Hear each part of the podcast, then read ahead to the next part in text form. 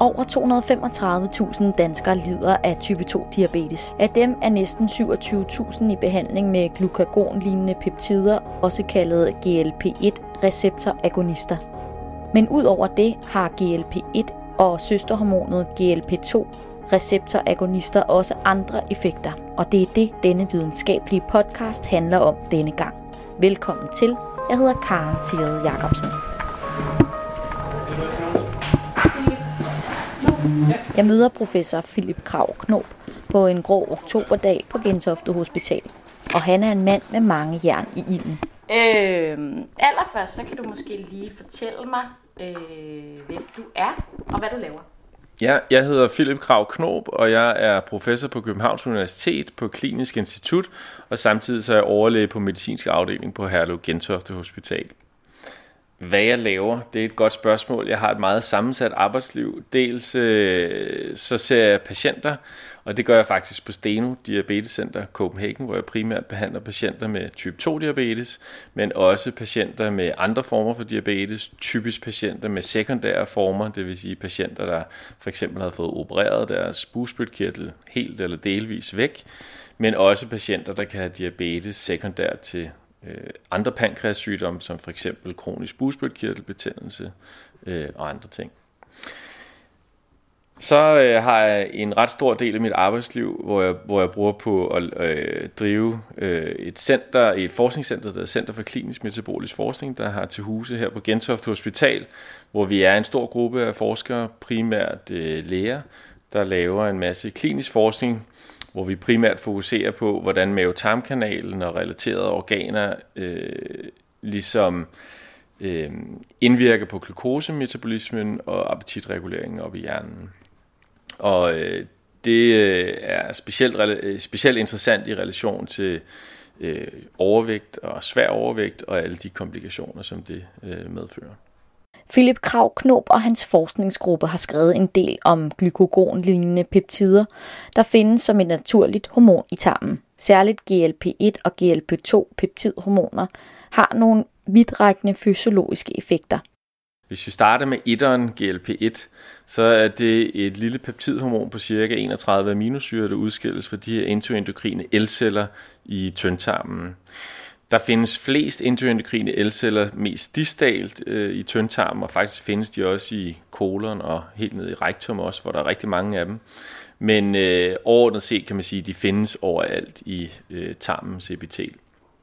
Når øh, makronæringsstoffer som kulhydrat, øh, fedt og lipider kommer i kontakt med de her endoendokrine celler, der sidder i epitelet i tarmen, så er det et meget øh, stærkt signal til, at cellerne skal udskille det her GLP-1.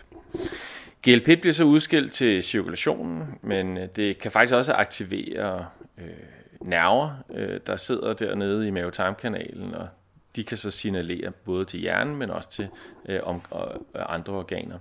En af grundene til, at det bruges så flittigt i behandlingen af især type 2-diabetes er, at det har en kraftig effekt på udskillelsen af insulin fra bugspytkirtlen. Og der er lavet en masse studier, der viser, øh, at øh, GLP-1 øh, kan sænke blodsukkeret via den effekt, og det er også en af de væsentligste grunde til, at GLP-1 er blevet udviklet som et lægemiddel til behandling af blandt andet type 2-diabetes, faktisk også overvægt, fordi det også har vist sig at stimulere mæthedsfornemmelsen op i hjernen, dermed reducerer det øh, patienternes øh, fødeindtag og dermed deres kropsvægt. GLP-1 har et søsterhormon med nogle helt andre infekter.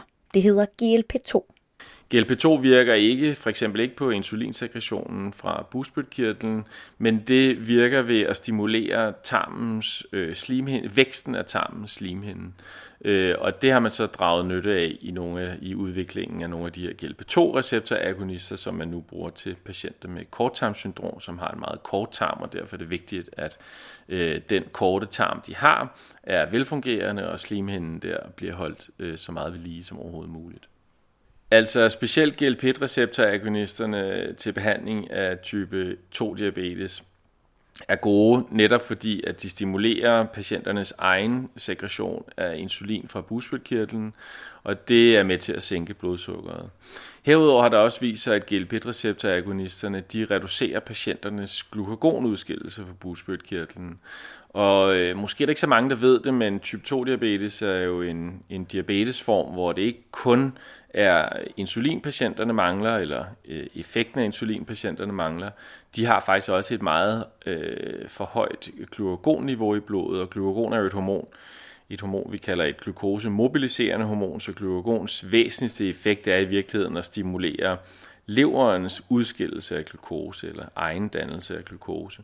Så derfor er det hensigtsmæssigt, at GLP-1 også reducerer øh, glukagonudskillelsen fra bugspytkirtlen. Så GLP-1 har sådan et, øh, en tvækket funktion på bugspytkirtlen. Dels stimulerer det patienternes egen produktion af insulin, men det hæmmer også deres udskillelse af øh, glukagon. Og de to effekter er med til at sænke blodsukkeret hos patienterne. En anden meget, meget væsentlig effekt af GLP-1, det er, at det kun virker på bugspytkirtlen, når blodsukkeret er højt. Du kan måske forestille sig, hvis man har en stor effekt af GLP på bugspytkirtlen, mens blodsukkeret er lavt, at så blodsukker vil falde for meget, og patienten så vil få for lave blodsukker, hvilket kan jo være farligt. Øh, men der har øh, GLP den her fordel, at det faktisk kun virker på de her to funktioner i bugspytkirtlen, når blodsukkeret er højt. Lige så snart blodsukkeret kommer ned på omkring 4-5 millimolær, så holder det op med at virke på bugspytkirtlen. Og derfor har de her GLP-receptoragonister en meget, meget lille risiko for at øh, få patienterne ned i de der lave blodsukker, som vi kalder hypoglykemi, som kan være farligt. Den tredje ting, som er væsentligt øh, med GLP-receptoragonisterne, det er så også, at de har den her øh, mæthedsstimulerende effekt i hjernen. Når man er i behandling med GLP-receptoragonister, så bliver, er der forskellige GLP-receptorer op i hjernen, der bliver stimuleret, og det fremmer altså en følelse af mæthed. Så spiser man mindre, og så, tager man, øh, eller så taber man sig i vægt. Og man kan sige, omkring 90-95% af patienter med type 2 diabetes, de har overvægtsproblemer, og derfor øh, har de behov for vægttab. Så det er tre meget, meget væsentlige ting ved øh, GLP-receptoragonister, der gør dem øh, meget populære i behandling af type 2 diabetes. Normalt er man ikke diabetiker, hvis man er i behandling med GLP-2. Hvis vi så lige skal vende blikket mod GLP-2-receptoragonisterne, så øh, som jeg nævnte tidligere, så har GLP-2 jo nogle helt andre virkningsmekanismer end GLP-1. I modsætning til at virke på insulinsekretionen i bugspytkirtlen, så virker det altså ved, ved at stimulere vedligeholdelsen og væksten af tarmens slimhinde. Og det har man fundet øh, interessant, specielt i relation til patienter med det, der hedder korttarmsyndrom, Typisk er det patienter, der af forskellige årsager har fået opereret store dele af deres tarm væk og lever med en meget, meget kort øh, tarm. Øh, og de her patienter har i mange tilfælde så kort en tarm, at de er afhængige af at optage væske, eller at de ikke kan optage tilstrækkelig væske og næringsstoffer igennem, igennem den meget korte tarm, de har. Derfor er mange af de patienter med korttarmsyndrom normalt afhængige af at modtage væske og føde intravenøst mange timer om dagen. Så derfor er det meget, meget vigtigt hos de her patienter, at man som sagt sørger for at vedligeholde og optimere den korte tarm, de har evne til at optage væske og næringsstoffer. Og det har vist sig, at det kan øh, GLP-2. Øhm, så hvis man ligesom behandler med GLP-2 og sørger for, at GLP-2-koncentrationerne kommer op i det, vi kalder farmakologiske doser, altså højere end hvad der normalt cirkulerer hos dig og mig, så kan vi sådan set øh, stimulere øh, væksten og vedligeholdelsen af den her tarmslimhinde. Og det kan gøre i nogle tilfælde, at de her patienter med korttarmsyndrom øh, i nogle tilfælde kan være for eksempel fri for at ligge om natten med intravenøse øh, væskeinfusioner, øh, fordi de simpelthen kan bedre optage den væske, de så drikker øh, gennem munden. Øhm, så det har været, det er lidt af et paradigmeskift i behandling af de her patienter med korttarmsyndrom. Så hvornår er det, at, altså, hvad er indikationen for at bruge de her øh, GLP-1, altså den behandling? Ja, altså der er to indikationer for at bruge GLP-1-receptoragonist i behandlingen øh, af patienter. Det ene, det er type 2 diabetes, og den anden, det er svær overvægt, hvor de også har en indikation. Og det er så på grund af deres appetitdæmpende og vægttabsnedsættende øh, egenskaber. Øhm, men det har så vist sig, at øh, fra nogle store studier, man har lavet hos øh, det, vi kalder højrisikopatienter med type, med type 2 diabetes, det vil sige, der har høj risiko for udvikling af hjertekarsygdom, det er nogle studier, som firmaerne mere og mere bliver bedt om at lave fra myndighedernes side, for at sørge for, at de præparater, der kommer på markedet, er sikre også ud fra sådan en kardiovaskulært synspunkt, at det ikke øh, slår patienterne ihjel, basically. Der har, der har det vist sig, at de her GLP-receptor-agonister faktisk også har en gavnlig, eller i hvert fald nogle af dem har en gavnlig effekt på risikoen for udvikling af hjertekarsygdom. Øhm, sagt med andre ord, så når man som type 2 diabetes patient har en relativt høj risiko for hjertekarsygdom og kommer i behandling med de her øh, GLP-receptoragonister, så kan det reducere risikoen for øh, myokardieinfarkt, for apopleksi og for kardiovaskulær relateret død. Betyder det så, at man, at man ligesom ved at, at, at indtage det, altså måske ikke behøver at få altså anden form for hjerte?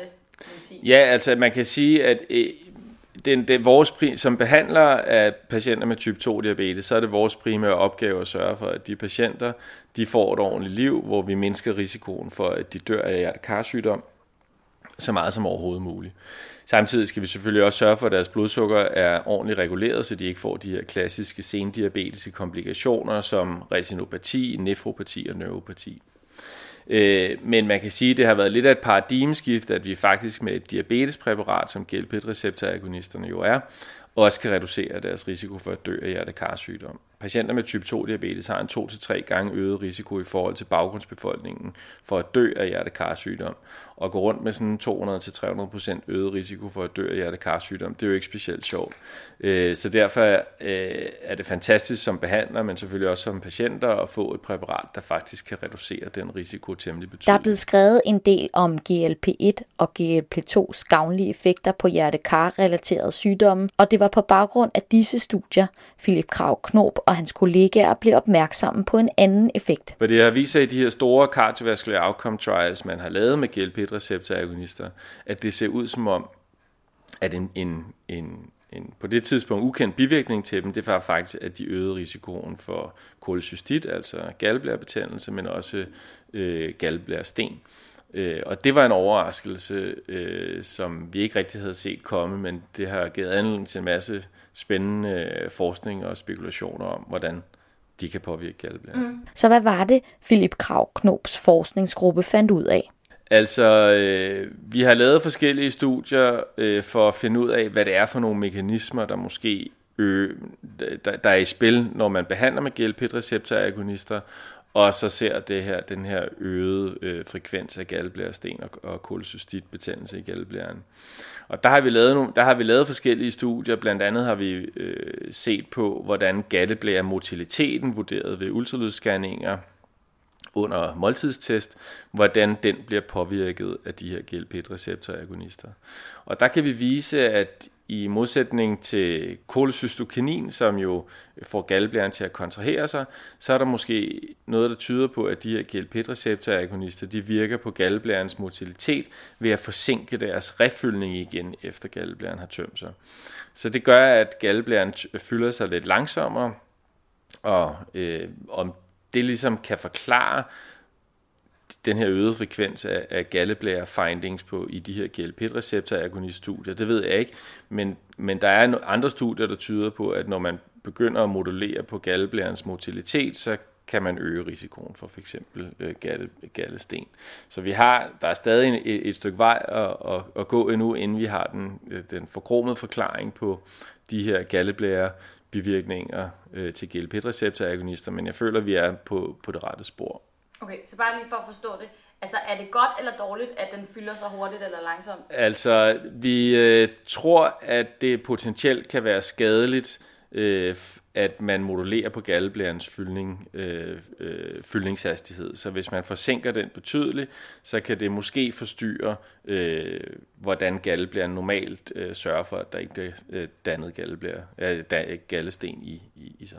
Ved at behandle nogle, en gruppe af svært overvægtige patienter med øh, temmelig højdosis GLP-receptoragonist, der har vi fundet ud af, at når de kommer i behandling, så forsinker galdeblæren sin øh, fyldningshastighed, efter den er blevet tømt på grund af et måltidsstimulus.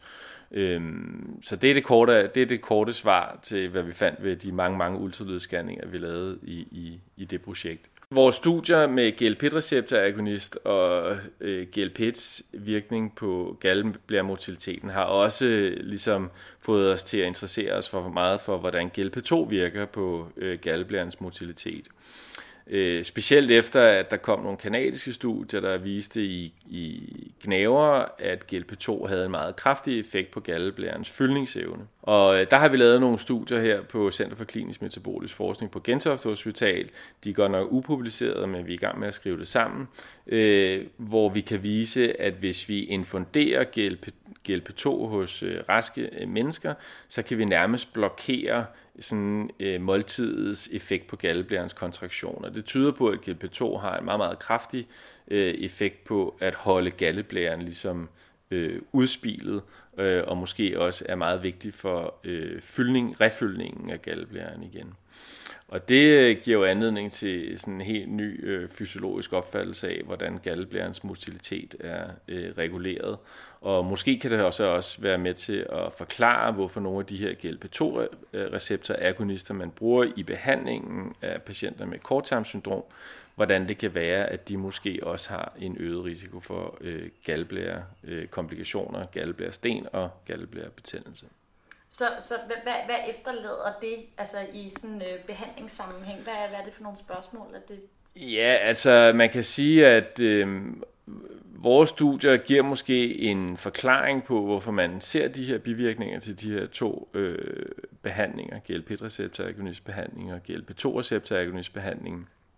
Og øh, Øh, så kan man sige, at hele feltet, det er jo med til at understrege, at klinikerne i hvert fald skal være opmærksomme på de her bivirkninger, når de behandler patienterne øh, med GLP-receptoragonister og GLP-2-receptoragonister. Øh, så selvom det er relativt sjældne bivirkninger, så er det jo vigtigt, at man at, at man har kendskab til dem, og øh, vi synes også, det er enormt vigtigt, at man har kendskab til de bagvedliggende øh, mekanismer, for ja, selvfølgelig bedre at forstå det, og måske i fremtiden udvikle behandlinger, der er baseret på GLP-1 og GLP-2, men der måske har de her, der er mindre associeret med de her bivirkninger. Men betyder det, at man skal være særlig varsom med at bruge GLP-1 og 2 i behandlingen? Altså fordi, at de her to behandlingsformer GLP-receptoragonisterne for patienter med type 2-diabetes og GLP-2-receptoragonisterne for patienter med korttarmsyndrom, at de har sådan nogle eklatante og positive effekter på patienterne. Så jeg tror ikke, man skal være mere tilbageholden med at bruge dem. Man skal bare være ligesom, ligesom med alle mulige andre øh, medicamenter, skal man selvfølgelig være opmærksom på deres bivirkninger, øh, så man kan informere patienterne og øh, dermed gøre opmærksom på, på de her bivirkninger. Faktisk så er det jo sådan, at jo bedre man informerer patienterne, både om effekterne af en given behandling, men også om bivirkningerne, jo større tilbøjelighed har de faktisk til at blive på den her behandling ved at kende bivirkningsprofilen. En typisk bivirkning til GLP-receptoragonistbehandling, det er øh, kvalme, fordi at det virker på de her forskellige appetitcentre op i hjernen. Hvis patienterne er velinformerede om, at kvalme er en typisk bivirkning, også at den måske endda er forbi, forbigående, så øh, er der mange flere patienter, der har tilbøjelighed til at blive på behandling i forhold til at springe fra, fordi at de tror, det er et eller andet ukendt, der, er, øh, så der, der, der kun går ud over dem, og så holder de op med behandlingen. Så hvad kan viden om galleblærens mortalitet hjælpe os med at forstå? Altså man kan sige, at vores, øh, vores forskning på området hvor vi har studeret, hvordan GLP-1 og GLP-2 påvirker galdeblærens motilitet, øh, er selvfølgelig først og fremmest for at forstå nogle, bivirkninger, nogle velkendte bivirkninger til de her to forskellige præparattyper.